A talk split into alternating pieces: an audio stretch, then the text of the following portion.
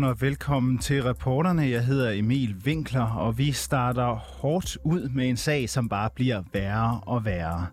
Vi har her på reporterne i månedsvis, månedsvis afdækket alvorlige fejl og lovbrud i børne- og tvangsfjernelsessager i Langeland Kommune. Og nu er der altså nyt i sagen. I disse dage skal Langeland Kommune nemlig sende Ankestyrelsen en endelig redegørelse for, deres, for dens evner eller mangel på samme i forhold til at overholde lovgivning i børnesager. Og i den forbindelse har kommunen altså fundet slettelakken frem og ændret eller helt slettet gamle fejl i borgernes journaler. Problemet er bare, at det er dybt ulovligt. Og i en af de her sager har det medført hård kritik af kommunens sagsbehandling. Det er Sandy Hansens sag, og det viser sig nu, at der også er blevet ændret i hendes journal. Det er dybt alvorligt og decideret ulovligt. Godmorgen, Sten Bønsing, professor i forvaltningsret ved Juridisk Institut på Aalborg Universitet. Godmorgen. Du er blevet præsenteret for nogle af de her rettelser, der er foretaget i Sandy Hansens journal.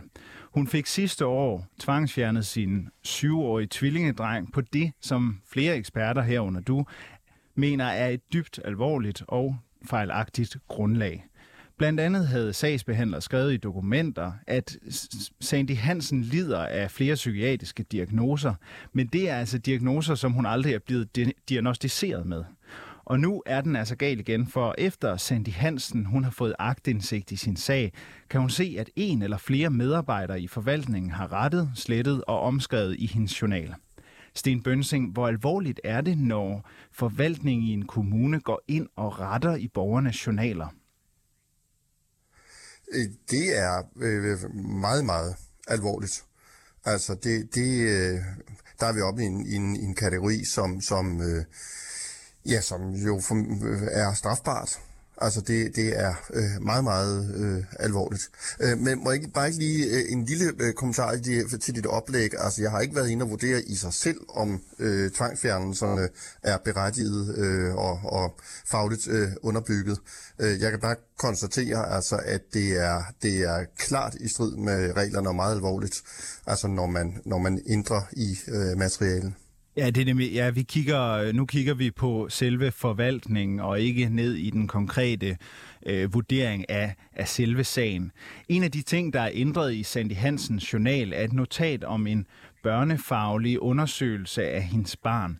Når man kigger på hendes journal, som den så ud i november 2021, hvor hun første gang fik agtindsigt, så står der, at undersøgelsen ganske rigtigt er lavet uden Sandy Hansens samtykke.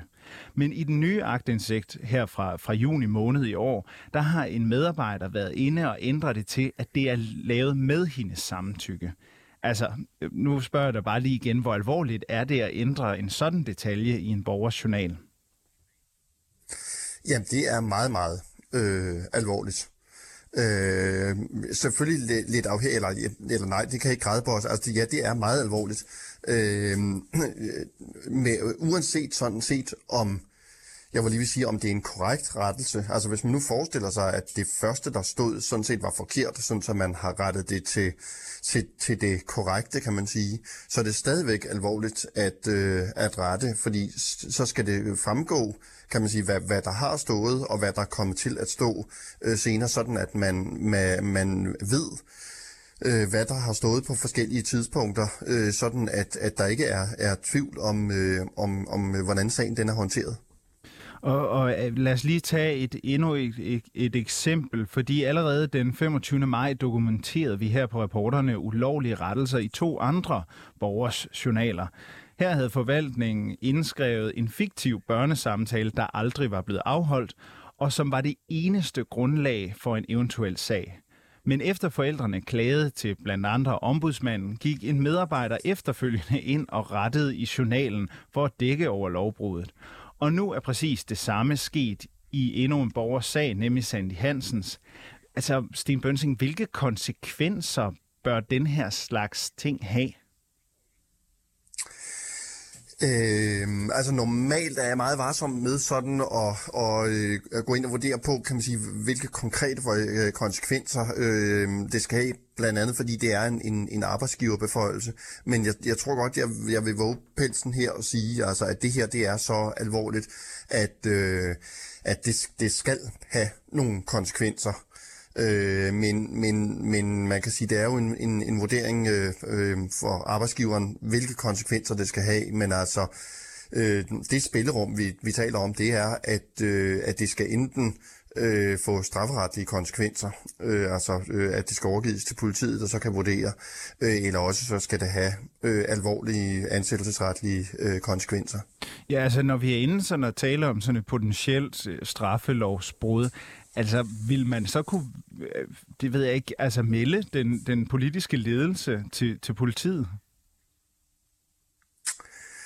Øh, ja, det kommer jo lidt an på, hvad deres rolle har været i det. Altså sådan, fordi altså i første omgang, så er problemet jo de medarbejdere, som, som, øh, som foretager rettelserne.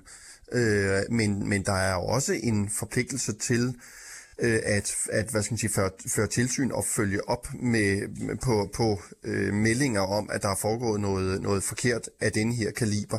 Øh, så, så også den politiske ledelse, altså i første omgang jo borgmesteren, øh, men, men det kan også godt være øh, selve øh, kommunalbestyrelsen, som, øh, som har et problem, øh, alt efter selvfølgelig hvad Øh, hvor, hvor, hvor meget mistanke, kan man sige, eller hvor meget der, underretning, der, der er sket øh, til, til, øh, til det politiske niveau. Men altså, borgmesteren har jo ansvaret for, at administrationen øh, foregår øh, korrekt og, og skal føre tilsyn og sørge for, at øh, det hele er, som det skal være.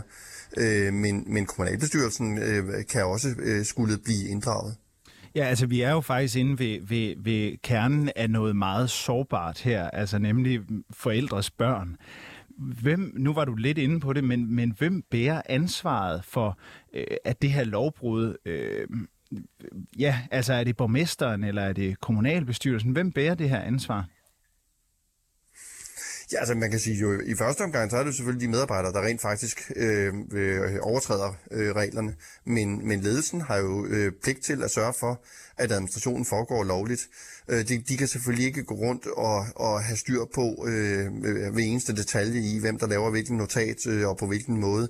Øh, men, men, men generelt skal man jo sørge for, at forvaltningen er, er indrettet sådan, at at administrationen foregår øh, lovligt, og øh, mest øh, hvad skal man sige, afgørende, nemlig altså, hvis, hvis man får nogle signaler, øh, nogle meldinger, nogle indberetninger, øh, som, som tyder på, at der er noget, der ikke foregår øh, korrekt, øh, så har man en pligt til at at øh, hvad skal man sige, føre tilsyn, altså spørge ind til, øh, bede om redegørelser, øh, øh, finde ud af, hvad der er foregået, og så gribe ind, så, så der bliver rettet op på tingene.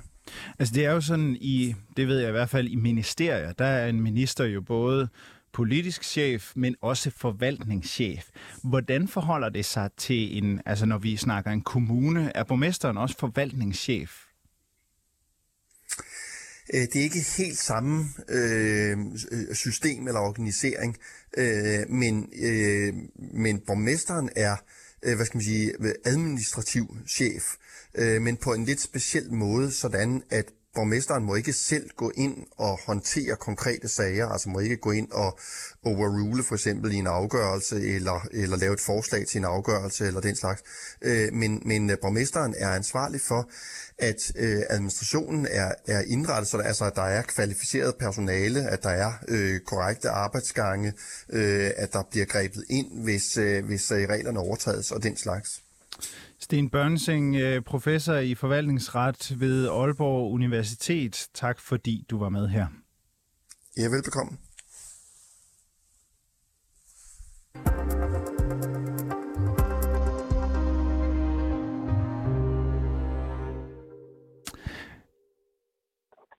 Hvad har Langelands, Langelands Kommunes ledelse tænkt sig at gøre ved det her. Altså, at der er blevet rettet og slettet ulovligt i flere borgers journaler i børnesager. Det vil ledelsen ikke selv svare på, fordi hverken borgmester Tony Hansen fra SF, kommunaldirektør Janni Lis Hansen eller chef i familieafdelingen Litsi Overvad vil stille op til interview. Litsi Overvad har svaret kort, at de undersøger sagen, når, det, når de har mulighed for det. Derfor forsøger vi nu at sende bolden videre til et af kommunens kommunalbestyrelsesmedlemmer. Søren Ramsing, godmorgen. Godmorgen. Du er formand for børn- og skoleudvalget i Langeland Kommune og øh, kommunalbestyrelsesmedlem for Radikale Venstre. Hvad tænker du som formand for børn- og skoleudvalget, når du hører, at for eksempel Sandy Hansen, som har fået tvangsfjernet sine sønner, har fået ulovligt rettet og slettet i sin journal? Altså, jeg synes, jeg synes det her det er en, øh, en rigtig kedelig sag, eller det er jo, det er jo flere sager, viser det sig nu, øh, og, og, og sager, som vi godt kunne have været foruden.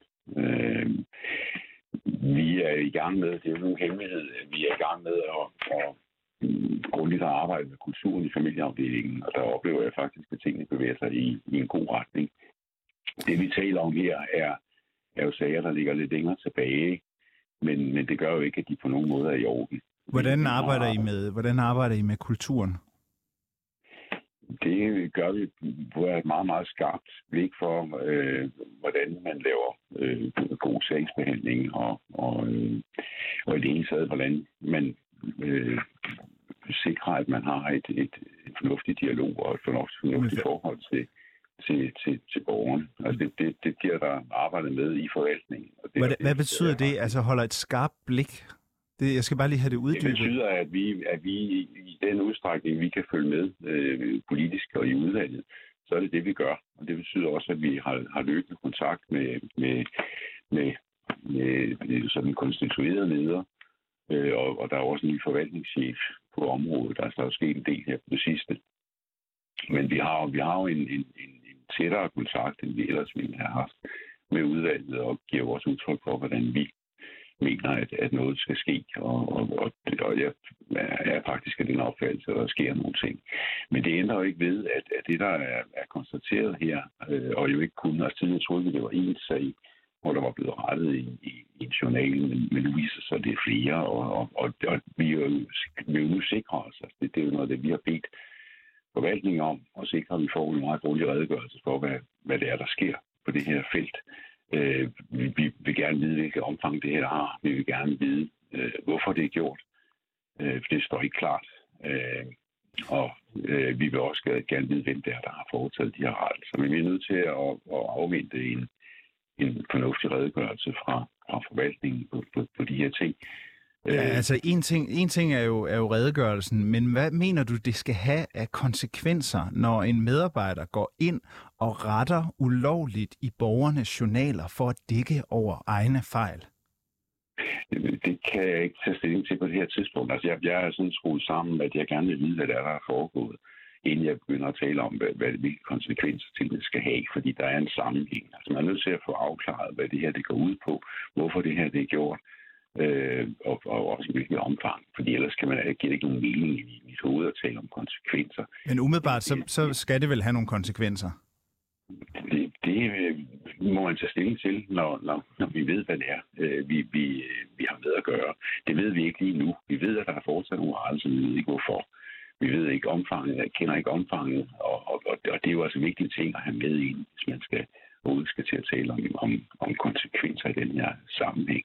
Det ændrer ikke ved, at det her det under ingen omstændigheder er noget, som, øh, som man skal tåle fremover. Det her det, det er, er, er noget, der ikke bør ske under nogen omstændigheder. Lige meget hvad forklaringerne er, så er det ikke noget, der bør ske. Men, Nej, men og det er alle... For, det er alle jo også øh, enige i, at det ikke bør ske. Jo, jo, Vi har jo lige talt med, med Sten Bønsing, professor i, i forvaltningsret ved Aalborg Universitet.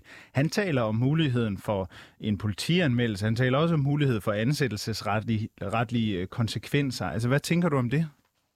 Jamen, det må Sten Bønsing jo tale om, som han har lyst til. Altså, jeg, jeg vil jo holde fast i, at, at vi er nødt til og, og, og få afklaret, hvad der er op og ned. Og det vil jeg dybt selv også tro, at Sten Bønsing han mener, inden man overhovedet begynder at bevæge sig alt for konkret og i retning af, af nogle, hvad der er for nogle skridt, øh, der skal være, og hvilke konsekvenser det her det skal have. Altså, jeg går ud fra, at Sten Bønsing også mener, at, at man er nødt til at, at få fakta på bordet, inden man begynder på, på øh, at, at gætte på, hvad det er, hvad vej man så skal med eventuelle sanktioner. Øhm, altså, hverken borgmester Tony Hansen kommunaldirektør Janni Lis Hansen eller chef for familieafdelingen Litsi Overvad, vil stille op til interview omkring det her. Hvad, hvad, er det godt nok? Det, det må du tænke, det må om. Altså, jeg, jeg, jeg stiller op, øh, når I, når I beder mig om at stille op. Øh, og, og, og, så, så, så det er jo så det. Øh, jeg, jeg, jeg, ja, Okay, du, det, det, vil, det vil jeg ikke kommentere på, altså på, det, på den led. Det all right, all right. Du, du har tidligere foreslået på baggrund af vores øh, afdækning af lovbrud og fejl, at alle fejlbehæftede børnesager skulle genåbnes, og du sagde i den forbindelse til Fyns Amts Avis, og jeg citerer, der bliver påvist så alvorlige fejl, som har en karakter, hvor vi er nødt til at reagere. Vi kan simpelthen ikke være andet bekendt. Vil du stadig have alle øh, fejlbehæftede sager genåbnet? Det er stadigvæk min tilgang, at man øh, at alle sager skal, og det skal være jo noget af det mere, der, der løbende hører til, at man, man, øh, man har sagsbehandling, at man løbende finder ud af, om det, der foregår i sagerne, om det er okay. Så ja, altså det, det, er, det er min tilgang til det. Øh, jeg må så sige, at jeg har jo ikke øh, kunnet så klart igennem med det, som jeg, jeg, jeg gerne ville i forhold til forvaltningen, men, men dog alligevel er der, for at se, ikke tvivl om, at der er en helt anden opmærksomhed på det her. Øh, men, men, men, men sagerne er jo ikke indtil videre blevet, blevet gennemgået på den led, men det er, jeg er ret sikker på, at det bliver en del af den, af den løbende det løbende arbejde nu, at, at, at der vil være et særligt fokus på de her sager. Så på en eller anden vis tror jeg nok, at, at der skal nok komme, komme styr på den del af det også. Men, men, men det tager vi... bare lidt længere tid, end jeg godt kunne ønske mig. Ja, altså fordi vi, vi er jo faktisk, altså vi er jo inde ved kernen af noget af det mest sårbare, nemlig folks børn. Hvornår skal de her sager genåbnes? Jamen altså, hvis står det, stod, stod det til mig, så, så øh, vil der sidde folk og arbejde med, dem, med, med det hele nu. Øh, og og det, det gør der vel også i en anden grad, men jo ikke i, i det omfang, jeg godt kunne tænke mig. Øh, men, men, men, men altså, det, det er altså sådan, det vilkår er nogle gange, at man ikke altid kan få det sådan, som man gerne vil have det. Men, men det er der ingen tvivl om, at det er det, jeg presser på for hele tiden. Øh, med det, jeg nu kan, og de steder, hvor jeg nu kan. Og med de, den, den, den, øh, den dialog, jeg har. Hvordan, hvordan presser du på? I afdelingen og med ledere. Jamen det er via, via, altså via den, den nye forvaltningschef, øh, Torben Bønberg. Vi sidder og går og venter på, at der kommer en ny leder af familieafdelingen, der starter her 1. august. Øh, og der, der vil også være tryk på, og vi har jo løbende dialog med den konstituerede leder af familieafdelingen. Så det er jo ikke fordi, vi, vi, vi har sluppet det her. Vi, vi, er, vi, vi gør, hvad vi kan for, at det her bliver gjort så ordentligt som muligt, og, at, øh, og, det, og det er sådan, det er simpelthen det er min tilgang til det. Det er jo også kommet frem, at der skal spares øh, 2,5 millioner kroner på det specialiserede børneområde i Langelands Kommune. Altså, hvordan hænger det sammen med, at øh, man skal genåbne sager og sikre, at forvaltningen overholder loven? Kan man det, når man samtidig skal spare? Der er ikke nogen, øh, der er ikke nogen umiddelbar sammenhæng mellem øh, antallet af midler, man bruger på et område, og, og, og det man så får fordel. Det er det, vi skal ind og kigge på, om der er en fornuftig sammenhæng i tingene. Øh, og, og det vil sige, øh, altså man kan i min opfattelse godt både kigge på øh, og højde kvaliteten af, af, af selve sagsbehandlingen, og samtidig måske også øh, øh, undlade at, at bruge midler, som ikke rigtig giver nogen mening på det her felt. Og det, det, det er jo den del af øvelsen, vi er ude i. Men det, men det er selvfølgelig øh, kun, altså det er jo ikke besparelser, øh, som ikke... Altså alt vil jo til højde... Altså det vigtigste Øh, og første prioritet i det her er jo, at, at, øh, at børnene, de, øh, at de er de rigtige steder, og de får den rigtige hjælp. Og dernæst kommer så den økonomiske del, men det ene udelukker ikke det andet, altså nødvendigvis, efter min opfattelse. Men det, det kræver en mere grundig gennemgang af det her, og det, det er jo så det, vi, vi, vi er i gang med nu i forbindelse med budgetdelen. Men altså, tingene hænger jo sammen, men, men, men det er ikke på bekostning af, af, af, af de familier, som, som har brug for hjælp. Ja, vi må se, hvad der sker. Vi bliver i hvert fald ved med at holde øje med øh, Langelands Kommune. Søren Ramsing, formand for børn- og skoleudvalget i Langeland Kommune og kommunalbestyrelsesmedlem for det radikale Venstre. Tak fordi du var med. Det var så lidt.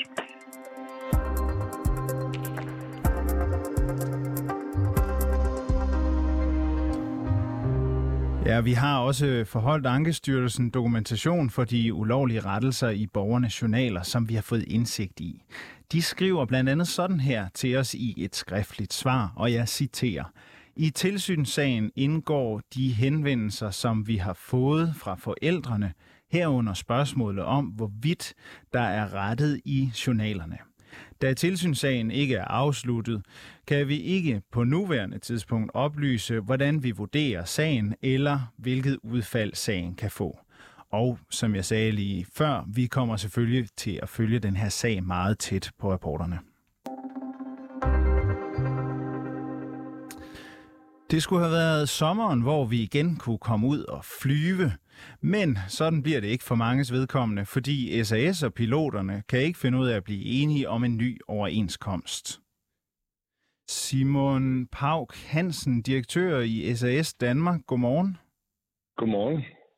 Jeg vil starte med at stille dig samme spørgsmål, som vi gav Henrik Tyrgod fra Dansk Pilotforening i går. Hvorfor kunne I ikke blive enige om en aftale? Først og fremmest så er SAS i gang med at lave en, øh, en stor omstilling af sin virksomhed, og det kræver, at, at vi ændrer vilkårene for alt i og omkring virksomheden. Øh, og der har vi, har vi haft en, en, en lang, lang forhandling, som kulminerede med, at piloterne lægger et strækkevarsel midt i højsommeren, og efterfølgende går fra forhandlingsbordet og går i strække midt i juli måned, hvor danskerne skal på ferie. Det er dybt beklageligt for, for alle kunder. Det er også dybt beklageligt for SAS, fordi det bringer hele vores plan omkring SAS' fremtidige overlevelse øh, i spil, og alle ansatte og deres arbejdspladser. Hmm, ja, hvem bærer ansvaret for den situation, som SAS er i lige nu? Ja, man kan sige, at vi havde jo ikke nogen deadline for at gennemføre forhandlingerne. Så det er kun piloterne, der har sat den deadline til at være midt i juli måned. Og det er kun piloterne, der har forladt forhandlingsbordet mens vi har sagt, at vi forhandler videre, vi skubber gerne forhandlingerne ud af ferieperioden. Det sagde piloterne nej til i forhandlingsrummet. Desværre er det derfor, at der er en, en, en konflikt i gang nu, og det er vi utrolig ked af. Ja, vi talte jo som sagt med, øh, med Henrik Tyrgod fra, fra Dansk Pilotforening i går, og jeg vil gerne lige have lov til at spille et klip fra vores interview med ham alt, hvad de bad om i forlisforhandlingerne her i, igennem de sidste to uger, der har vi fundet frem til, vi, vi var helt i mål. Hvorfor, hvorfor har I så ikke landet en aftale? At, at klokken blev... Ja, så det er jo det, godt, det, det er det gode spørgsmål, ikke? Altså, det var ligesom, til sidst så rykkede de målet hele tiden. Når, når vi var derhenne på det, de havde bedt om, så kom de med, med yderligere krav. Ja, Simon, I øh, flyttede målet i sidste minut. Er det rigtigt? Absolut ikke. Vi har haft et mål på 800 millioner, det satte vi i december måned sidste år, da vi startede forhandlingerne, og det gælder stadigvæk. Så der er ikke ændret et komma i de behov, der ligger. De behov er sat efter, at vi leverer en samlet plan, der kan hente nye private investorer ind til SAS. Så øh, det er hus forbi fra piloternes side af. Og, men jeg forstår da godt, at man ønsker at placere ansvaret øh, væk fra sig selv. Øh, men der er ikke nogen tvivl om, at det er dem, der har lagt et strækkevarsel, det er dem, der har gået i strække, det er dem, der har forladt bordet, øh, og det var dem, der satte datoen her i juli måned. Øh, og det er enormt beklageligt, øh, og alle i SAS er enormt ked af det på kundernes vegne, at de er taget som gisler i noget, som vi kan løse øh, i bagrummet i øh, virksomheden. Så øh, Henrik Thyrgod, han lyver, når han siger, at målet blev flyttet i sidste minut? Det står for hans egen regning. Det er absolut ikke noget, som øh, vi fra virksomhedens side genkender. Øh, det er et mål, vi satte i december måned sidste år, og det er et mål, der stadig står øh, fast. Det skal vi nå, og det skal vi også nå den dag, at piloterne kommer tilbage til forhandlingsbordet. Men, men du siger jo, at det, han fortæller her i interviewet, ikke er sandt. Hvad, hvad er det, det hedder, når man siger ting, der ikke er sande? Ja, det vil i så fald usandt. Det, som jeg kan sige, det er... Så han taler usandt? Har, det vil jeg mene. Vi okay. uh, har et uh, mål på 800 millioner, og det er ikke noget moving target. Uh, det må stå for deres regning, hvordan de har tolket det, der er blevet sagt i forhandlingsrummet, men det er ikke det, der er tilfældet. Jeg har ikke selv siddet der men jeg har siddet og fået alle afrapporteringerne. Vi har ikke flyttet noget mål i den her forhandling. Så når han siger noget, der er usandt, så mener du i virkeligheden også, at Henrik Tyrgod lyver? Det er ikke første gang, der kommer misinformation fra, fra Dansk Metal øh, eller DPF, men det, øh, jeg vil ikke kommentere det yderligere på, øh, fordi jeg har som sagt ikke siddet i, i forhandlingsrummet øh, og øh, lyttet til, hvad, hvad han har troet, der bliver sagt der. Men, men jeg kan i hvert fald konstatere, at vi har ikke flyttet nogen mål i forbindelse med denne forhandling. Vi ønsker at nå et resultat. Vi ønsker at sikre virksomhedens overlevelse og alle tusindvis af arbejdspladser. Og det er det, som piloterne vælger at sætte på spil nu. Okay, men, øh, men SAS og Pilotforeningen har forhandlet om en ny overenskomst i otte måneder. De sidste par uger er det som sagt foregået i forlisinstitutionen. Det er der, hvor de forskellige parter går hen, når de ikke kan blive enige om en ny overenskomst på egen hånd. Er det ikke i SAS interesse at få styr på en overenskomst hurtigst muligt, så flyene kan komme i luften igen?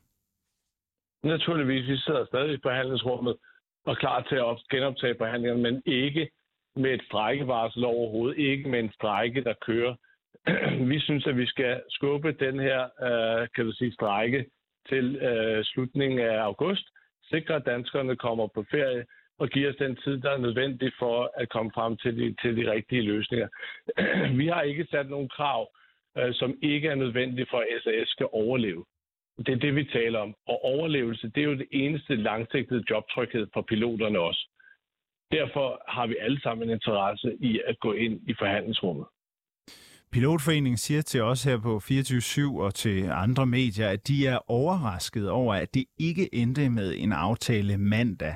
Henrik Thyregod, som er formand for Pilotforeningen, han siger blandt andet sådan her til os i går. Jamen, der er ingen tvivl om, at SAS har besluttet sig for, at de vil, de vil ikke have en løsning i går kl. 12. Altså, ellers så kan man jo ikke flytte målet øh, selv efter deadline. Det giver jo ikke nogen mening. Ja, der spekuleres altså i, hvorvidt I overhovedet har ønsket at få en aftale på plads. Jeg får lyst til at spørge dig, var det, var det egentlig ikke bedre, hvis piloterne i moderselskabet sagde op, og så kunne I bare ansætte dem i jeres datterselskab? Vi har... Ja, det er jo hypotetisk, det du er ude i. Altså for det første vil jeg gerne forholde mig til, at vi skulle have en interesse i en strække på nuværende tidspunkt i den forfatning, som virksomheden er, når vi med alt, hvad vi har modtaget af hjælp øh, for at sikre, at virksomheden kunne komme igennem pandemien. Det er for mig uh, ufatteligt, at man, man påstår det. Undskyld. Uh, og vi har alle en interesse for at sende danskerne på ferie, at genrejse den her virksomhed efter en pandemi. Det er det eneste, vi er fokuseret på. Uh, så uh, de her øh, udmeldinger, det står for, for, for DPF's egen regning. Vi, vi forstår absolut ikke, hvor man vil hen med det. Er du chokeret over de udmeldinger, som, som han kommer med her? Jamen altså, man må huske på, at en strække, udover at koste 100 millioner om dagen, undergraver vores varemærke og vores, an, vores mulighed for at genvinde kundernes tillid efter en lang periode, hvor vi også har haft andre udfordringer i virksomheden. Det er ikke særlig sandsynligt, at det er en god forretningsmæssig ledelse at køre med åbne øjne ind i en konflikt, og det har vi bestemt heller ikke gjort. Jamen altså noget af det, øh, som har fået stor kritik fra piloterne, er, at i SAS har oprettet datterselskaber, hvor nogle af de fyrede piloter bliver genansat, og hvor kommende piloter vil blive ansat. Forsimplet på den måde øh, udvander man langsomt den gamle overenskomst.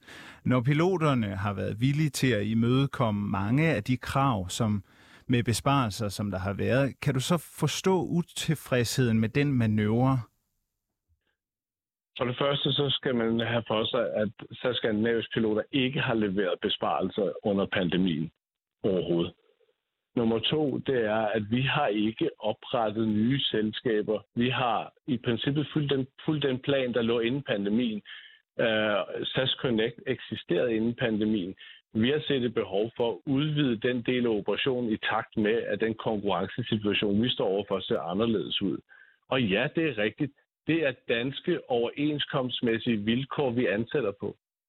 Øh, det er øh, danske øh, jobs, som vi opretter, øh, og det er i niveau med markedet. Og hvad, øh, hvad hvad kan du sige, de vilkår, der, der, der er gældende for, for alle andre flyselskaber i Danmark. Hvorfor skulle SAS ikke have tilgang til vilkår i linje med alle andre flyselskaber i Danmark? Helt kort her til sidst. Øh, hvad er det sidste krav, I i SAS mener, der skal indløses for, at piloterne kan droppe strækken og komme op og flyve igen? Kravene for piloterne? Ja, det, det jeg forholder mig til, det er, at vi skal nå de 800 millioner, og derudover så skal der ikke være en masse betingelser koblet til at levere de besparelser, der er nødvendige. Det, det er de to væsentligste elementer. Øhm, det er, at vi bliver nødt til at vise alle omkring for, øh, SAS, alle de andre, der skal bidrage til vores forwardplan, at vi også har gjort det internt, der skal til. Det er den måde, at vi sikrer, at dem, der er eksternt også, øh, er villige til at gå med ind i den store øvelse, vi er i gang i. Øh, og det vil, vil skabe en, en, en, en farbar vej videre frem, øh, som også kan finde en privat investor, som SAS er helt afhængig af for at kunne overleve. Simon Pauk Hansen, direktør i SAS Danmark, tak fordi du var med her til morgen.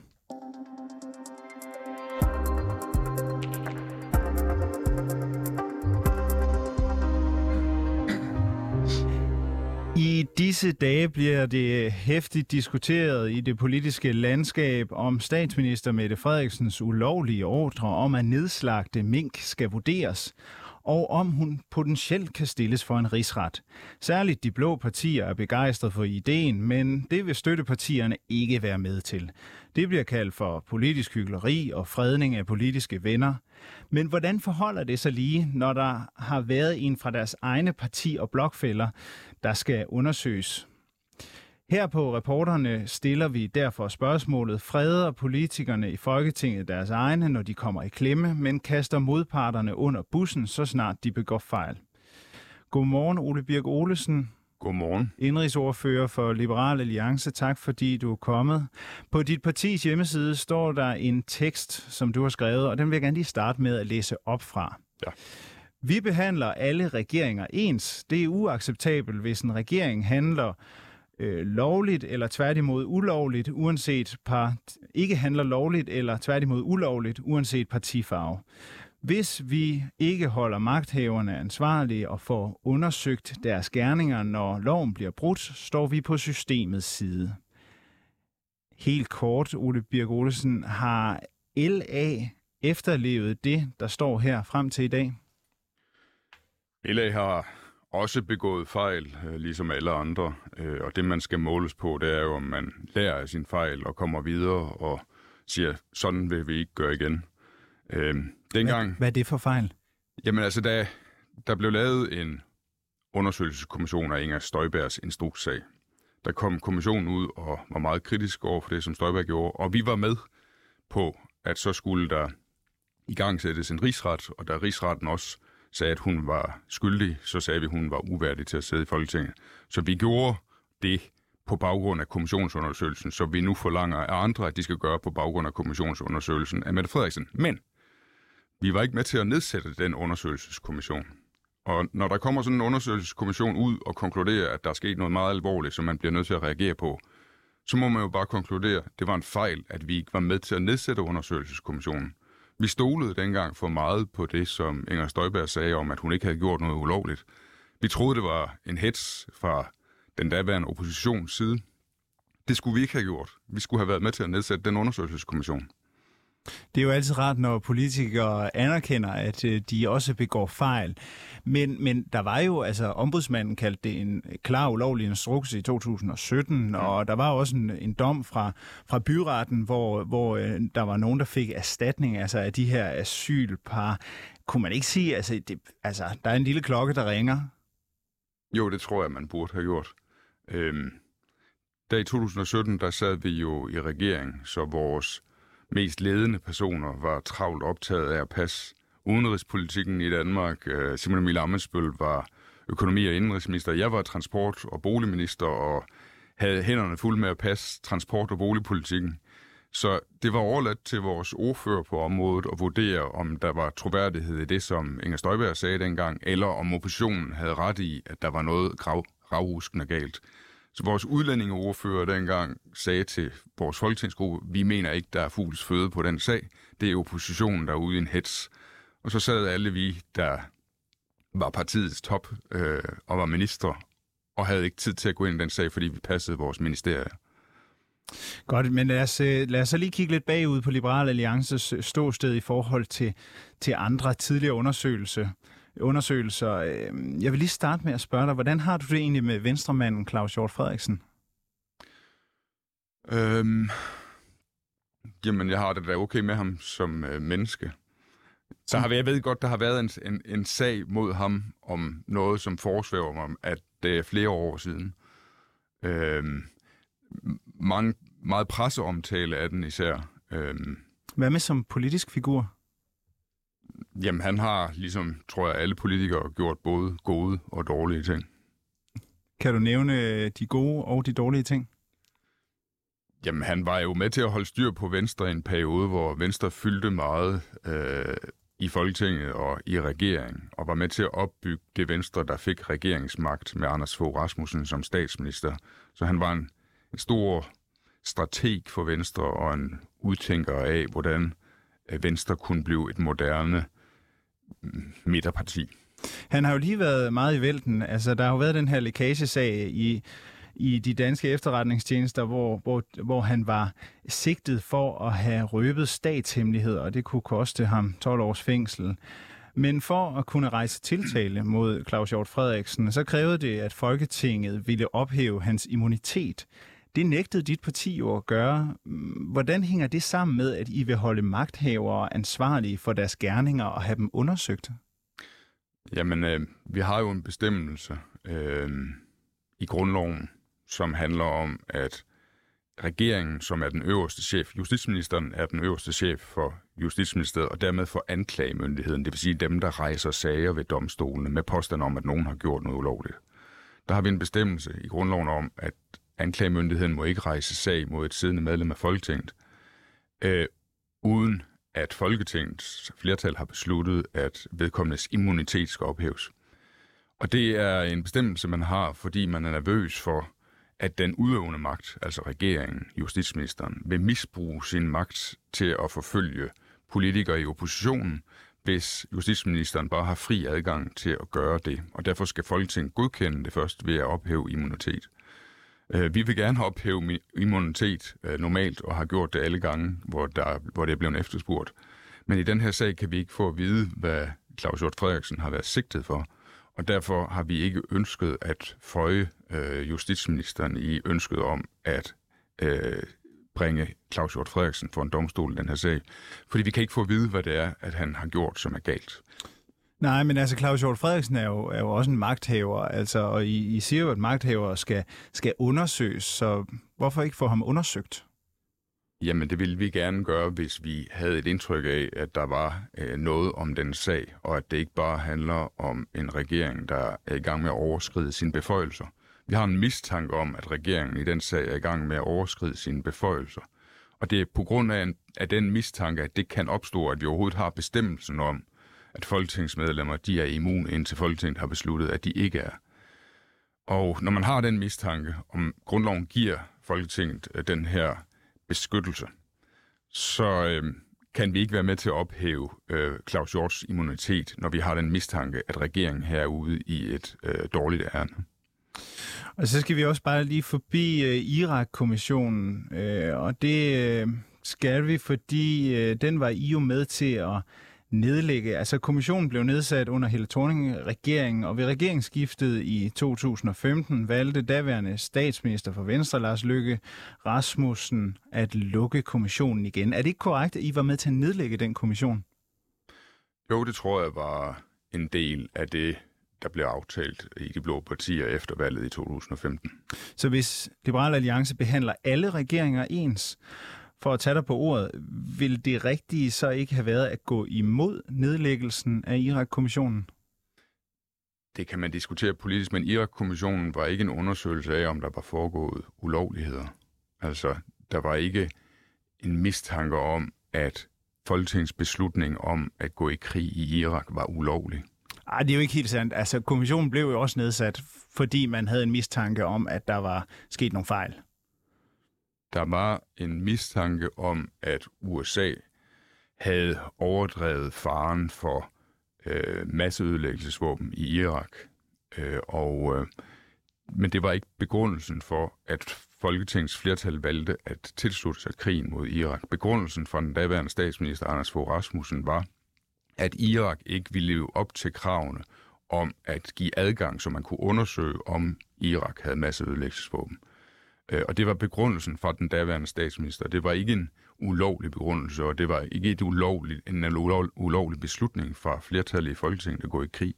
Men når der bliver kastet tvivl mod en regering, så mener du jo egentlig, at den bør undersøges, men i den her sag, der skulle det ikke undersøges. Det er jo ikke sådan, at hver gang der kommer en og siger, vi mener, at regeringen har gjort noget forkert, at vi så synes, der skal foranstaltes en undersøgelse. Det, det er der jo folk, der gør hele tiden ude på sociale medier. Og nogle gange er der også nogle af de lidt utrærede partier i Folketinget, der mener, at ting skal undersøges, uden at vi af den grund tænker, at der er noget om det. Det er ikke sådan, at hver gang nogen siger undersøgelse, så siger vi ja, lad os bevilge 20, 30, 40 millioner på at undersøge. Det er jo kun, når vi mener, der er grund til at undersøge, vi vil gøre det.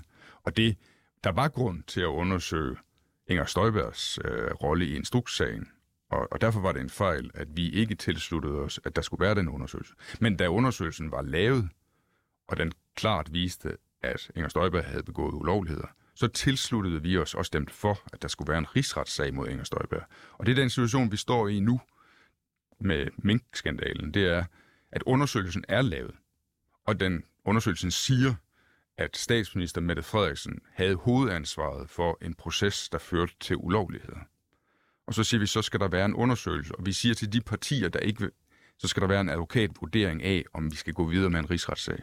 Og så siger vi til de partier, som ikke vil gå videre med en advokatvurdering af, om der skal være en rigsretssag mod for eksempel Mette Frederiksen, så siger vi, at det er simpelthen for dårligt. Og der har vi ikke handlet anderledes. Da undersøgelsen forelå, for eksempel i forbindelse med Inger Støjberg, og den viste, at der var grundlag for en voldsom kritik, så gik vi med på, at man skulle lade bede advokater om at vurdere, om der var grundlag for en rigsret.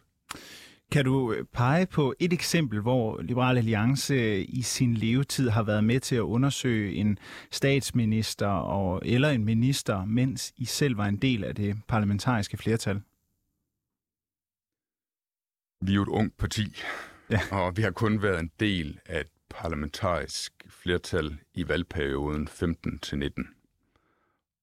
Og der må man så sige, at vi fejlede i forhold til Inger Støjberg og sætte en undersøgelse i gang af hende. Så det er det ene eksempel, der er på, at vi kunne have gjort noget, som vi ikke gjorde. Øh, jeg kan pege på en, en række eksempler, for eksempel fra det seneste år, hvor vi ikke har været med til at kritisere en siddende minister for ting, som et flertal i Folketinget mener, at den siddende minister har gjort galt. Fordi vi ikke mener, at ministeren har gjort noget galt. Vi har bare ikke med til at vælte Benny Engelbrecht som transportminister. Nej, det kan jeg godt huske. Fordi vi ikke mente, at Benny Engelbrecht havde gjort noget galt. Vi var ikke med til at tildele Trine Bramsen som ny transportminister en næse for noget omkring Lynetteholm. Fordi vi ikke mente, at hun havde gjort noget galt. Så vi har det her princip, at vi skal forfølge dem, der har gjort noget galt, og vi skal ikke forfølge dem, der ikke har gjort noget galt. Og de to ting skal gælde uanset partifarve. Men det er rigtigt, at i valgperioden 15-19, hvor vi havde muligheden for at sætte en undersøgelse i gang af Inger Støjberg, der begik vi en fejl ved ikke at støtte op om det. Det var meget tydeligt at se, at vi havde begået den fejl, da undersøgelsesresultatet så kom, og det var meget klart viste, at hun havde øh, begået en ulovlighed ved at, beordre embedsmænd til at gøre noget, der ikke var lovligt. Jamen altså, Ole Birk Olsen, det var meget øh, ærligt sagt her til sidst. Øh, tak fordi du var med indrigsordfører for Liberal Alliance og forhenværende transportminister. Selv tak. Tak.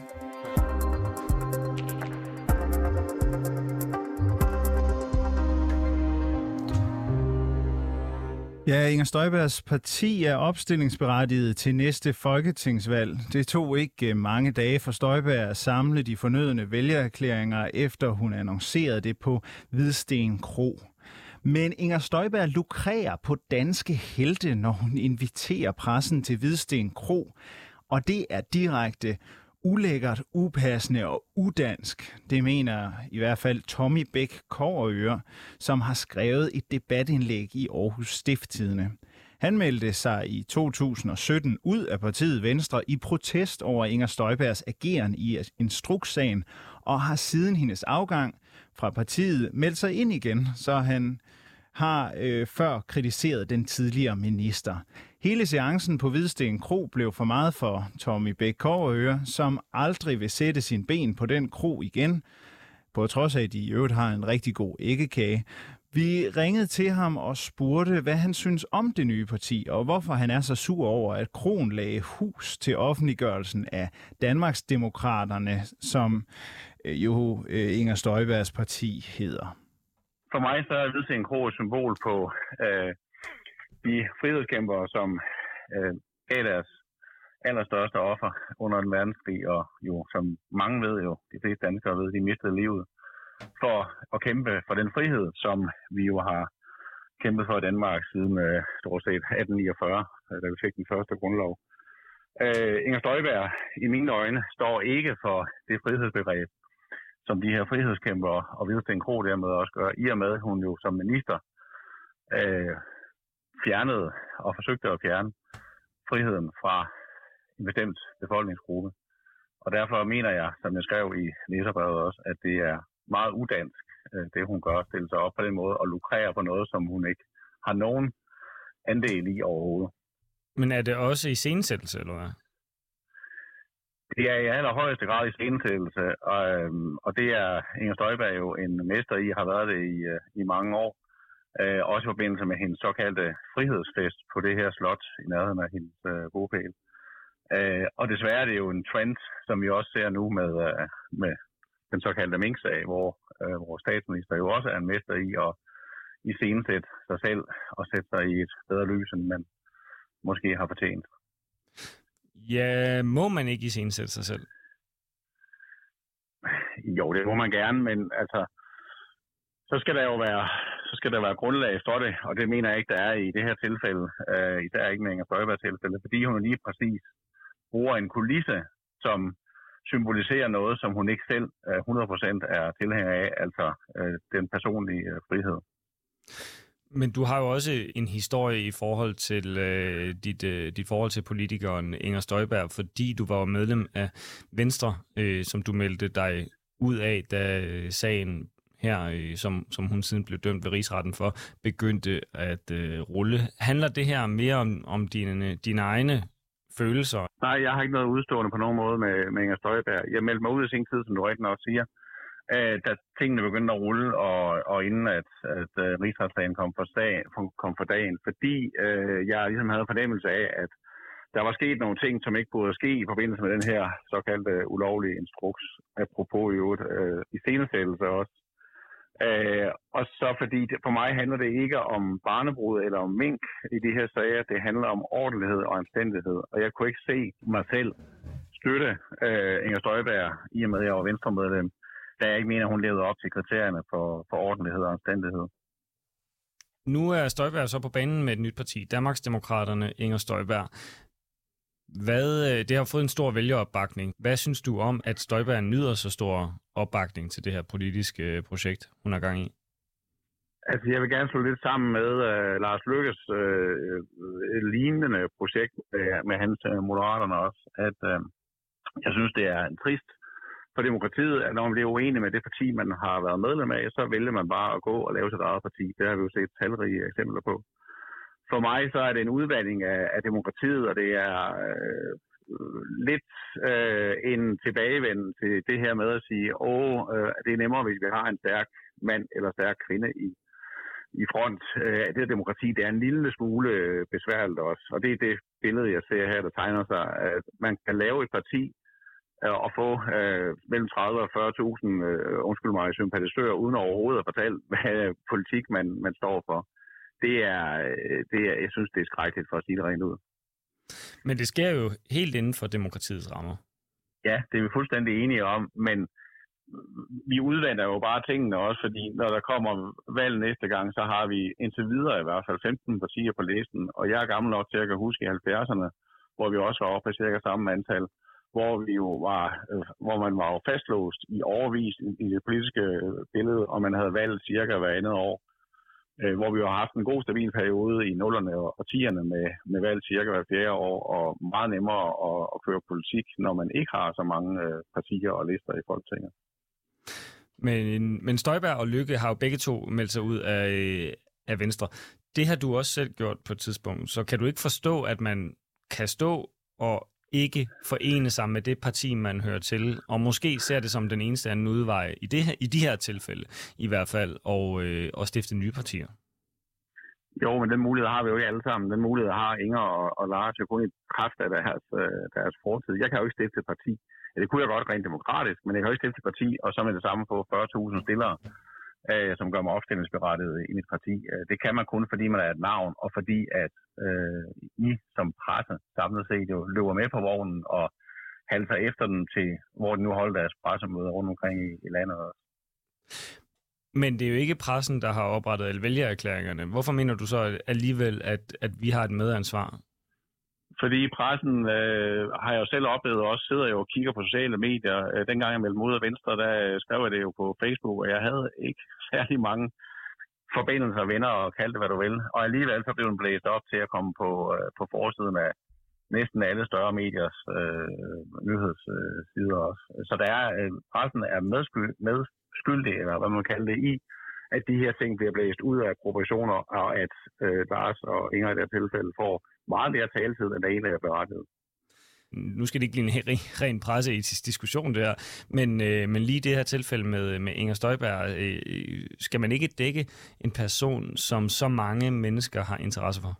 Jo, jo, men det er jo hønen og ægget, og det ene fodrer jo det andet, fordi det er jo, som jeg også sagde før, det er jo sådan en, en, en selvforstærkende effekt, at når I så skriver om det, så kommer det på sociale medier, som så får flere likes, og så videre, og så videre. Så, så, så jeg, jeg vil jo ikke kunne lave parti øh, på samme måde og lægge det på Facebook, og så vil I komme rendende til mine pressemøder også. Det er jeg i hvert fald ret sikker på, at jeg ikke vil have mulighed for.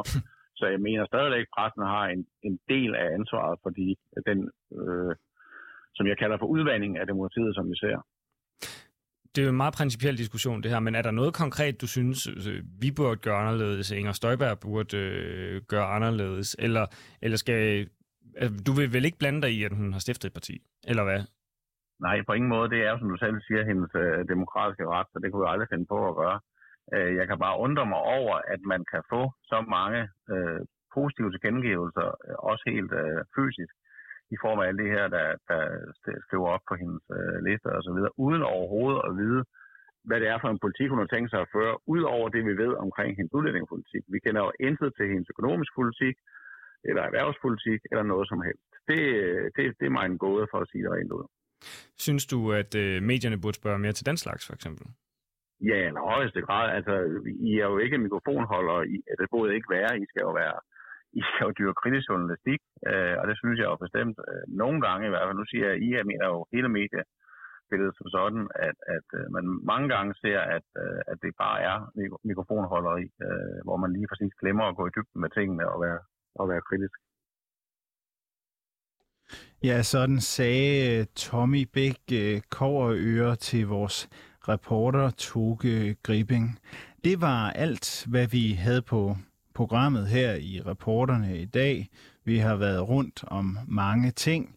Husk, at du kan finde den her udsendelse og mange flere der, hvor du henter din podcast. Du kan også lytte med hver dag live på DAP. Du kan også lytte med på vores app, der hedder 24-7, som du også kan finde i, de, i det sted, hvor du finder dine apps normalt. Sofie Ørtsvar, producer. Mit navn er Emil Winkler.